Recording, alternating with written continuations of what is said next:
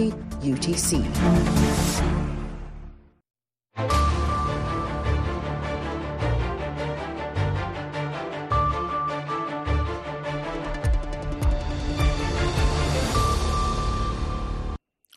halkani waa washington laanta afka soomaaliga ee idaacadda v o eda oo si toosa idinkaga imaanaysa magaalada washington hirarka lix iyo tobanka iyo sagaal iyo tobanka mitirban iyo weliba boggeenna v o a somaly com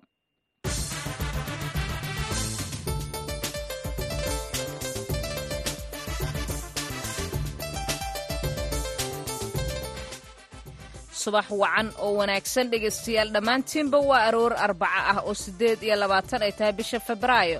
Sannadka labada kun iyo afar iyo labaatanka idaacaddeenna saaka iyo caalamkana waxaa idinla socodsiin doontaa anigoo ah sahraa cabdi axmed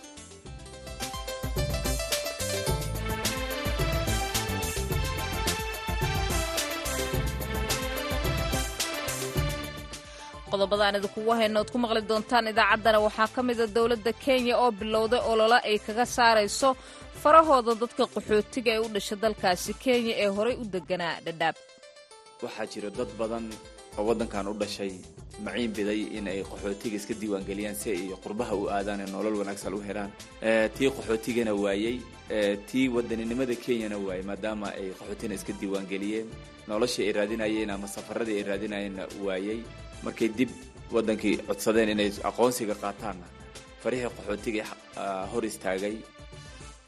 Qodobadaasi iyo sidoo kaleeto warar kaleeto uu ku jiro shir looga hadlay cimilada adduunka ka dhacay magaalada nairobi ayaan idiin haynaa iyo warar kale oo soomaalida ku saabsan balse marka hore ku soo dhowaada warkeennii dunida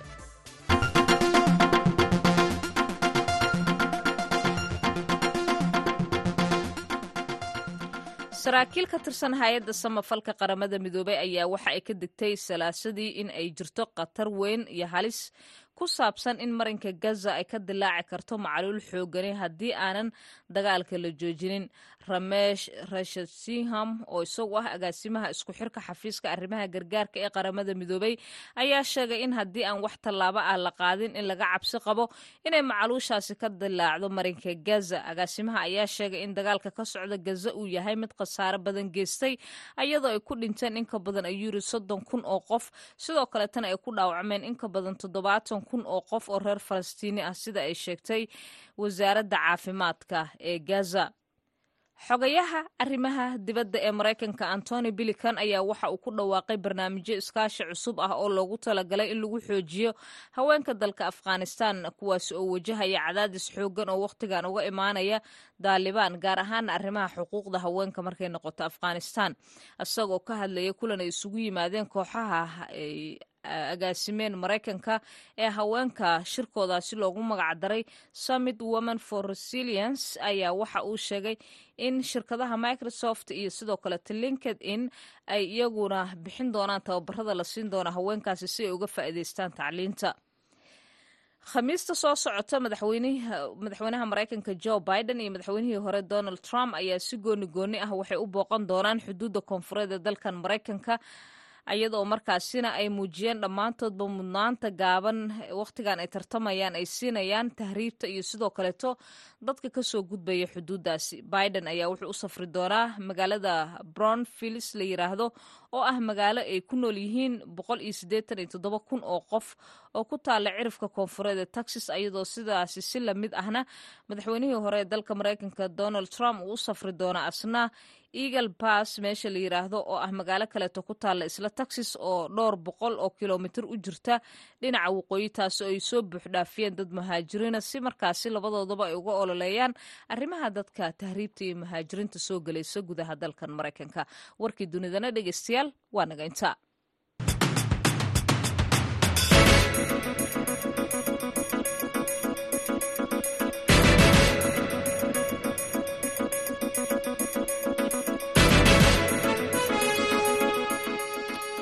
subax wanaagsan dhegeystayaal halka wararkaasi idinkaga imaanayaan waa washington. Aan ku bilowna ee dowladda kenya ayaa bilowday qorshe ololo ah oo ay kaga saarayso dadkeeda kenyaanka ah ee horey u galay qaxootiga dalkaasi farahana laga dhigay. Hore ayaa waxaa xerada qaxootiga dhadhaab jiray dad kenyaan ah oo iyagu halkaasi iska diiwaangeliyay. Inkastoo dhalashada kenya dhinaca kaleeta ay ka soo jeedaan.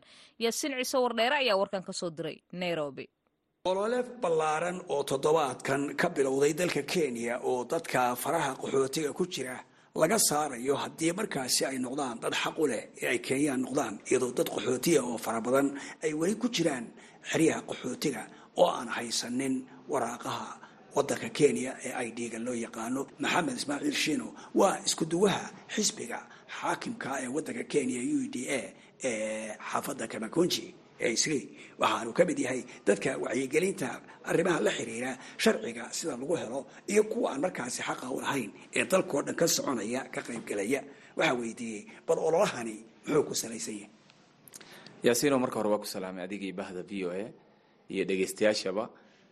Barnaamijkan saa la socotaan waxaa jira dad badan oo waddankan u dhashay maciin biday in ay qaxootiga iska diiwaangeliyaan si ay qurbaha u aadaan ee nolol wanaagsan u helaan. Tii qaxootigana waayey. Tii wadaninimada kenyana waayey maadaama ay qaxootina iska diiwaangeliyeen. Noloshii ay raadinayeen ama safaradii ay raadinayeenna waayey. Markay dib wadankii codsadeen inay aqoonsiga qaataanna farihii qaxootiga hor istaagay. Marka meel cidlay taageen qaxootina ma ahan muwaadin kenyan u dhashay waa u dhashay laakiin aqoonsigii iyo sharciyadii wadanka dhalashada hadday noqoto bassabor hadduu hataa jaamacad helo inuusan jaamacadda ku biiri karin hadduu rabo inuu driving licen hataa qaato. Adiga dowladda waxay bixiso oo dhan oo service ah inuusan qofka heli karin. Xagga qaxootigana waxaa jira dad qaxooti ahaa ku dheeraaday xarada qaxootiga broceskooda dheeraaday doonaya inay wadanka aqoonsi ka qaataan si ay ganacsigooda ama arrimahooda kale ama waxbarashadooda u qaataan farihii qaxootiga ku soo baxeen oo kenyana heli sharciga kenyana heli waayey kii qaxootigana ku jiro broceskiina uu ka xayirmay shino yaa kala saaraya dadkan hadda ilaa iyo toddobaad bay socotaa hawshu. Sidee lagu kala garanayaa dadkii qaxootiga ahaa iyo kuwii kenyaanka ahaa? Horta barnaamijkan wareega koowaad wuxuu dhacay labada kun iyo saddexdii in ka badan afar iyo toban kun oo qof ayaa ku guulaystay oo turxaan bixintii gudbay oo sharcigii aqoonsiga helay. Wareegii labaad ayaa hadda bilowday turxaan bixinta ugu horeysa waxay dhacaysaa isbuucan khamiista hadduu alidma horteena ah oo sagaal iyo labaatanka dadkana jaw hadda way isdiiwaan geliyeen wayna wadaan way isdiiwaan gelinayaan si ay turxaan bixintaas u maraan. Marka waxaa jira guddi loo xil saaray guddi dowladda ah iyo guddi odayaal xaafadda ah oo dadka turxaan bixinaya su'aalo weydiinayo. Iyo in qofka uu la yimaado cadeymo waalidkiisa hadduu kenyaan yahay oo wadanka u dhashay waa dabcan waalid uu leeyahay waalidkiisa aqoonsigooda sharciyadooda keeno mid ka mid ah waalidkana uu soo raaco. Haddii ay jiraan walaalo la dhashay oo sharci leh ay horey u soo raacaan ama aqoonsiyadooda keena cadeyma hadduu dhalasho haysto kaba sii wanaagsan. Hadduu iskool soo dhigtay cadeymaha iskoolka dugsiga hoose dhexe iyuu la yimaado.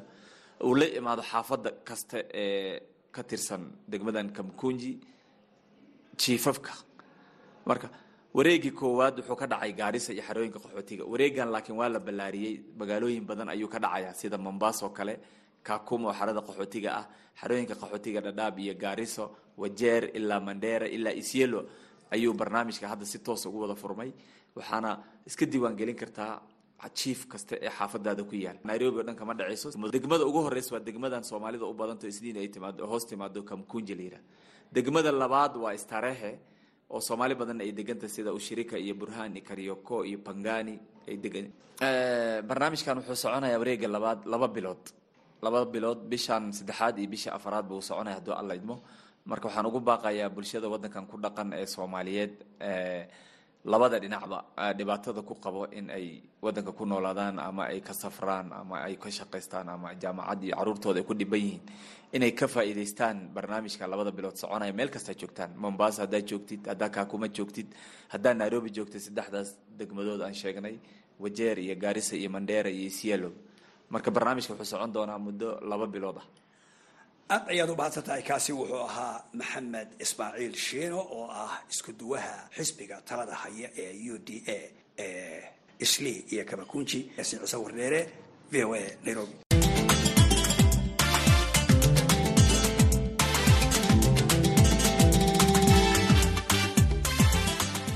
Weli washington ayaad naga dhagaysanaysaan toddobaadkii aynu soo dhaafnay waxaa dunida laga xusay maalinta afka hooyo oo looga gol leeyahay in lagu abuuro wacyigelin ku saabsan kala duwanaanshiyaha luuqadaha iyo dhaqanka iyo sidoo kaleeto kor u qaadista luuqadaha faraha badan. Markii ugu horreysay ee unesco waxay ku dhawaaqday in la xuso maalintan waxayna ahayd toddobiyo tobankii bishii nofembar sannadkii kun iyo sagaal boqol sagaashan iyo sagaalkii waxaana si rasmiya ay u aqoonsadeen golaha guud ee qaramada midoobay sannadkii labadii kun iyo labadii arrintaasi.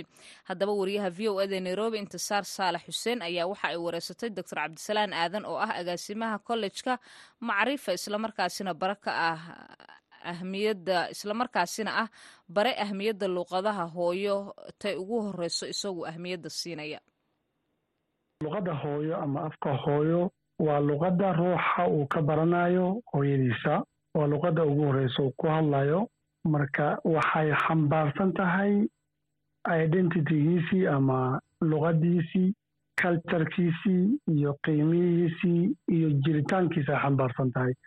Marka haddii ruuxa isagoo yar afkiisii wax lagu baro si fiican ayuu waxay u fahmi karaa can explain himself isaga taa waa iska hadli karaa maadaama luqadda uu leeyahay marka luqadda hooyo in cunug markuu yar yahay gaar ahaan markay primary ku jiraan in wax lagu baro muhiimad weyn ayay u leedahay gaar ahaan marka joogo africa.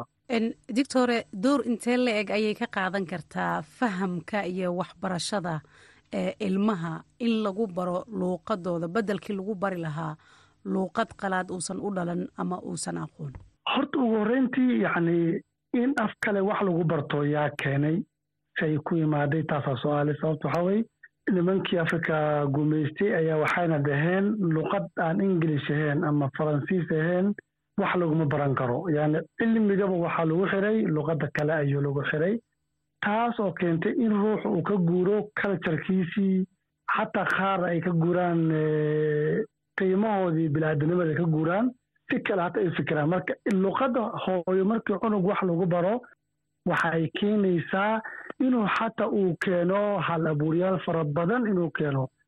Laakiin haddii laga dhigo luqad inuu barto luqaddaas taas yani shucuurkiisi insaani ka baxo si kale uu fikiro. Marka luqadda hooyo waa luqad muhiima in dadka wax lagu baro taasi macnaheed maaha in luqadda hooyo ay tahay wax waliba in luqadahan kale caalamkana la barto si gooniya loo barto maadaama aan caalamka la tacaamuli rabno. Doctore waxaa jira ilmo badan oo aan waddankii ku dhalan. Waddankii dhalasho ahaan waalidkood uu ka soo jeeday aan ku dhalan. Luuqadii ay u dhasheen aan wax ku baran. Luuqadii ay u dhasheenna aan waxba ka aqoonin xataa aan ku hadli karin haddana aqoontooda ay heer sare ay joogto soo taasi lama dhihi karo. Keliya kuma xirna aqoonta iyo fahamka maskaxda ama waxbaridda ilmaha ee luuqadda hooyo. Markii taas aan u fiirino. Waa runta yani dad fara badan ayaa luqadaha caalamiga ingilishka carabiga wax ku bartay oo meel fiican tacliin ka gaaray. Waa sax. Laakiin waxaan fiirinaynaa waxaa weye in dadkan markii luqadood hooyo wax lagu baro ay xambaarsan tahay culturekoodii identitygoodii ama jiritaankoodii iyo inay caalamka lidanska ay leeyihiin ay la sheergarayn karaan ama tusi karaan. Marka in luqadda maxalliga loo arko luqad hoose oo aan macno lahayn oo weliba marmar loogu magacdaro vanacula oo la dhaho waa luqadda macno lahayn taasi waxay keenaysaa in carruurta ay luqaddaas ka cararaan hooyooyinkan ay ka cararaan luqadda ingiriiska iyo faransiiska loo arko inay luqad kale luqad ka weyn luqadaha kale. Ama cilmi ay tahay maanta daan af ingiriiska ku hadlin ama carabi aan ku hadlin li arko inaan waxba garanaynin. Marka luqaduna waa shay cilmiguna waa shay. Waxaa jira dadka qaar oo aaminsan haddii qofka luuqadiisii hooyo uu wax ku barto oo uusan garanayn luuqad qalaad sida ingilishka oo kale in qofkaasi uusan aqoon fiican lahayn. Arintaasi ka waran waa fikrad qaldan waay sababta waxaa weye af ingiriis aan ku hadlay cilmi aan leeyaha maaha. Ama ingiriisi kuma hadlina cilmi malihi maaha. Laakiin fahamkeenaa qaldan. Dadkii af soomaaliya wax ku bartay af china wax ku bartay jaban turkiya waa dadka maanta ugu fiican oo adduunyada maanta xukumayo turkiya jaban china talyaaniga dadka joogo luqadooda wax ku bartaan. Marka fikirka ah in ruuxuusan ingilish ku hadlin waxba garanaynin waa fikrad saxa maaha. Waa perception waan dadka ay ugu malaynayaan waay. Kaasi waxa uu ahaa mid ka mid ah aqoon-yahanada jooga magaalada nairobi doctor cabdisalaam aadan oo ah agaasimaha kollejka macrifa uu waramayey wariyaha v o e da intisaar saalax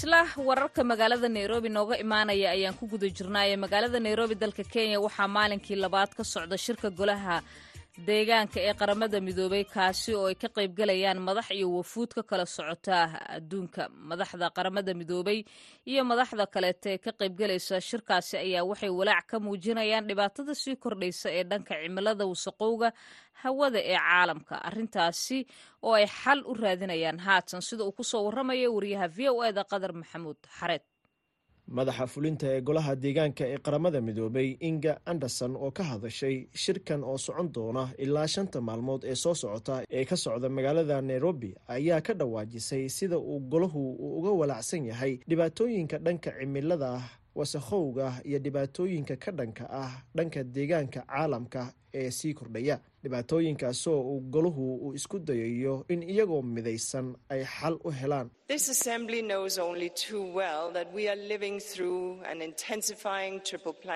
Golahan waxa uu si dhab ah uga warhayaa in aan ku noolnahay adduunyo qalalaaso badan. qalalaasaha wasaqowga cimilada qalalaasaha nabaad guurka noolayaasha adduunka ku kor nool iyo qalalaasaha wasaqowga hawada iyo qashinka. Dhammaan dhibaatooyinkaasi qalalaaso ayaa dusha ka saaran oo hareenaya qof kasta oo adduunka saaran ayadoo aanan loo eegaynin midabka diinta jinsiga iyo dhalashada ay haystaan. shirkan oo aan jecelnahay in aan u eegno inuu yahay midka keliya ah ee saameynta adduunka yeelan kara ee loo dhan yahay ee lagu gaari karo go'aamada la dagaalanka wasaqowga cimilada iyo isbeddelkeeda ayaa si joogto ah u muujinaya midnimadaasi. Midnimadaasina waxaan rabnaa in aan uga adkaanno qalalaasaha aan wajahayno. Sannadkan shirka waa uu ka xooggan yahay kana awood badan yahay kuwii hore waana taas waxaan codsanayno wasiirka sida uu sheegay anigana aan sheegay dunida ayaana eegayso. Xaqiiqaduna waa in dunida aysan sannadkan na fiirsanaynin oo keli ah balse ay halkan joogto shirkan ayaa waxaa ka qaybgalaya madaxda iyo wafuud ka kala socota dalalka xubnaha ka ah qaramada midoobay ee ilaa boqol saddex iyo sagaashan waddan. Khudbadaha madaxdu ay ka jeedin doonaan shirkan gaar ahaan kuwa gobolka ayaa la sugayaa inay kaga hadlaan arrimaha abaaraha iyo fatahaadaha ku soo noqnoqday gobolka geeska afrika iyo sidii uu caalamku uu gacan taageero ah uu uga geysan lahaa dhibaatadaasi hase yeeshee madaxa fulinta golaha deegaanka ee qaramada midoobay inga anderson ayaa xubnaha ka qaybgalaya shirkan ka codsatay inay la yimaadaan qorshe iyo go'aano wax ku ool ah oo wax looga qabanayo caqabadaha hadda taagan iyo kuwa mustaqbalka ee soo socda ee ka dhanka ah dhibaatooyinka dhanka deegaanka iyo cimilada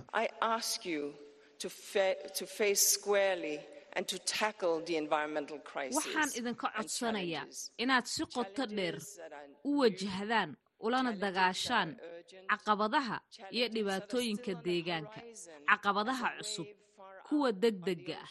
caqabadaha ilmo aragtayda ah ee ku hoos qarsoon badaha fog dhexdooda laakiinse ku soo qarxi karo deegaanka xeebaheenna haddii aanan tallaabo la qaadin. taasi ayaa ah wadajirka rasmiga ah ee aragtida fog ee deegaanka loogu ololeyn karo. Dalalka ka qaybgalaya shirka golaha deegaanka ee qaramada midoobay ee ka socda magaalada nairobi waxaa ka mid ah waddamada urur goboleedka igad kuwaasoo ay inta badan ka dhacaan islamarkaana ka mid ah dalalka ay saameynta xoogan ay ku yeelatay dhibaatooyinka dhanka cimilada sida abaaraha iyo fatahaado mar walba galaafta nolosha dad iyo duunyo. Madaxweyneyaasha lagu wado inay khudbado ka jeedin doonaan shirkan waxaa ka mid ah madaxweynaha soomaaliya mudane xasan sheekh maxamuud madaxweynaha kenya william ruuto iyo ra'iisul wasaaraha ethoobiya abiy axmed gabagabada shirkan ayaana lagu wadaa in madaxdu ay ka soo saaraan qaraar wax looga qabanayo dhibaatooyinka dhanka isbedelada cimilada iyo deegaanka ee caalamka. Khadar maxamuud xareed v o a nairobi. Mahadsaned qadar maxamuud xareed isla arrimaha kenya ayaan ku guda jirnaaye shirka kenya waa shirkadaha kenya ayaa wajahaya caqabado dhaqaale waxayna u weecdeen amaba u leecdeen dhinaca aaladaha ku shaqeeya garaadka macmalka ah ee artificial intelligencega loo yaqaanay si loo yareeyo qarashaadka wax soo saarka iyo xayeysiinta. Arrintaasi ayaa walaac ku abuureysa farshaxanka iyo sidoo kaleeto wakaaladaha xayeysiiska kuwaasi oo ka baqaya in aaladaasi ay shaqadooda la wareegto. Warbixin amuurtaasi ku saabsan waxaa soo diray wariyaha v o eda maxamed yuusuf waxaase soo koobaya ismaaciil xuseen farjar. Ay soo ifbaxeen aaladaha ku shaqeeya garaadka macmalka ahi waxay shirkadaha dalka kenya ay dadaal badan ku bixinayeen in ay si deg deg ah ula jaan qaadaan si ay u yareeyaan wakhtiga iyo kharashkaba. Kartaasi oo ka mid a shirkadaha daabacaadaha ee ugu waaweyn magaalada nairobi ayaa ka mid a shirkadaha kor u qaaday isticmaalka aaladaha ku shaqeeya garaadka macmalka ah halkii ay ku tiirsanaan lahaayeen farshaxanno ay soo kiraystaan haatan waxaa shaqadaas u qabta qalab ku shaqeeya garaadka macmalka ah ama artificial intelligence isaga oo u naqshadeeya buugta qoraallada iyo wixii kale ee ay u baahdaan. Sababtoo ah wax walba waxay ku jiraan farahaaga. Marka waxaad ogaanaysaa inaanad wakhtiga yarayn oo keliya balse sidoo kale waxaad yaraynaysaa kharashka sababtoo ah uma baahnid inaad kiraysato qof shaqo kuu qabta. Sidaas daraaddeed inaad kharashka kaydisid waxaa keenaysa e i taas oo qabanaysa shaqada. David karega oo ah madaxa bariga iyo koonfur afrika ee shirkadda isgaadhsiinta ee woodrow ayaa sheegay in e i ay ka caawiso shirkadaha in ay la xidhiidhaan macaamiishooda.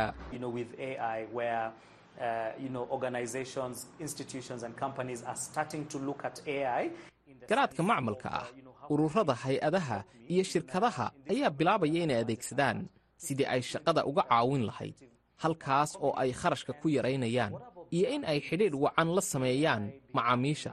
Waxaan arkayo ayaa ah in e i ay noqotay shay hal abuur leh adiga oo ka eegaya dhinaca shirkadda iyo dhinaca macmiilkaba. Hirgelinta e i waxa ay ka qabaan dadka farshaxanka ah iyo shirkadaha waxayeysiiyaa taas oo uu sii yaraanayo macaashka ay samaynayaan simon mowanzai oo ah madaxa curinta ee shirkadda the art group ayaa qiraya faa'iidada ay leeyihiin e i ama garaadka macmalka ahi. Inkasta oo uu qabo in ay fiican tahay in shirkaduhu ay ku tiirsanaadaan xirfadlayaasha aqoonta sare leh. Dhammaan shaqada naqshadaynta waxaa lagu qabtaa gudaha. Markaa taasi waxay ka dhigan tahay in lacag yare ay soo gasho shirkadda. Markaa hubaal arrintaasi waana taaban doontaa laakiin ma aragno xaalad ay shirkaduhu sidaas u sameeyaan sababtoo ah mar walba waxaan xoogga saaraynaa oo aan isku dayaynaa in aan u doodno dadka suuqa ka baxaya kuwaas oo u baahan in ay diiradda saaraan meelaha ay u xooggan yihiin. Wakhtigan xaadirka ah barnaamijyada e i ee loo isticmaalo xayeysiintu waxay inta badan abuuraan waxyaabo kala duwan oo qaarkood khiyaali yihiin kuwaas oo u baahan saacado badan in la hagaajiyo. Si kastaba ha ahaatee xarunta cilmi-baadhista xayeysiiyada adduunka ayaa sheegtay in kharashka qaybta xayeysiiyada afrika uu hoos u dhacay. Koob iyo toban dhibic lix boqolkiiba sannadkii hore taas oo muujinaysa suurtagalnimada isticmaalka e i. Mahadsaned ismaaciil xuseen farjar bal wararkii kenya dhinacaasi aan kaga gudubno kaga nasanay haatanna sweden. Askarta sweden ayaa waxa ay talaadadii shalay aheed ay sheegeen inay ku faraxsan yihiin in sweden ay ku biirto neto ayna diyaar u yihiin in ay ku dadaalaan sidii ay sweden u gudan lahayd waajibaadkeeda ka saaran xubinnimadeeda neto sida warkan uu ku eegayo xuseen barre aadan dowladda sweden ayaa ka gudubtay isniintii caqabadii ugu dambeysay ee ka hortaagnayd in ay ku biirto nato. Kadib markii baarlamaanka dalka hungari uu ansixiyey ku biiritaanka sweden ee isbahaysiga. Stockholm ayaa ka tanaasushay siyaasaddii dhexdhexaadnimada ee ay muddada dheer ku soo dhaqmaysay kadib duulaankii ruushka ee uu ka qaaday ukrain kii ku biiritaanka sweden oo aan dagaal gelin tan iyo kun sideed boqol iyo afar iyo tobankii iyo weliba xubinnimada finland ayaa noqonaysa ballaarinta ugu weyn ee isbahaysiga tan iyo markii ay ku biireen dalalkii bariga yurub kadib burburkii midowda sofiyeeti sannadkii kun sagaal boqol koob iyo sagaashankii inkasta oo sweden ay kordhisay iskaashiga qorshaysan ee ay la leedahay nato tobannaankii sano ee la soo dhaafay iyada oo gacan ka geysata howlgallada meelo ay ka mid yihiin afghanistan xubinnimadeeda buuxda ayaa loogu talagalay in lagu hagaajiyo difaaca iyo iskaashiga dhinaca waqooyi ee isbahaysiga nato. Sweden waxaa kale oo ay isbahaysiga u keentaa agabyo ay ka mid yihiin maraakiibta quusta ee casriga ah oo si gaara loogu talagalay xaaladaha badda boltica iyo tiro badan oo diyaarado dagaal oo ay sweden samayso. Kubiiritaanka nato ayaa dowladda sweden ku kordhinaysa kharashka milatariga waxaana la filayaa in ay arrintaasi gaadho heerka dalalka kale ee nato oo ah boqolkiiba laba wax soo saarka guud ee dalalkaasi. Ansixinta dalka hungari oo ay taageerayaan aqlabiyadda mucaaradka ayaa lagu wadaa in dhowr maalmood gudahood ay saxeexaan afhayeenka baarlamaanka dalkaasi iyo madaxweynaha hungari intaasi kadib nidaamyada haray waxa ay u badan tahay in si dhaqso ah loo soo dhammeeyo. Xuseen barre aadan ayaa warbixintaasi nala socodsiinaya. Markanna waxa aad ku soo dhowaataan codka baxsan ee axmed xariir. Waa xariir axmede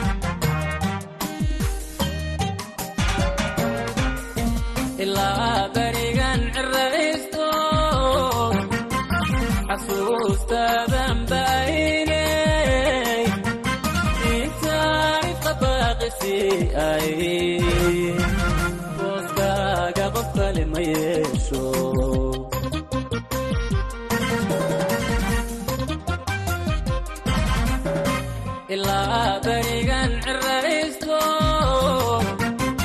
xasuustaadan baalinay intay qabaqisi ayri booskaaga qof kale ma yeesho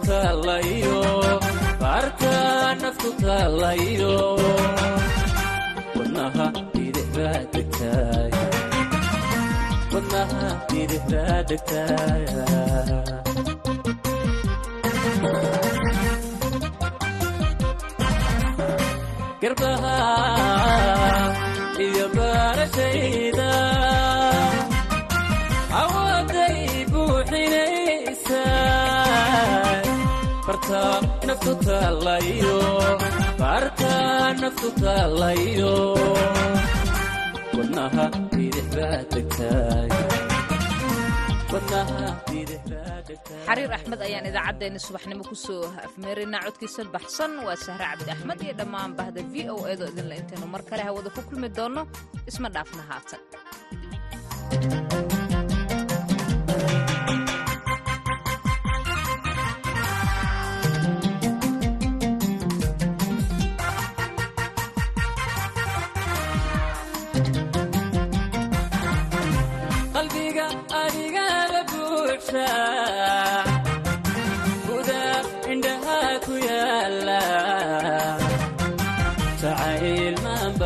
qalbiga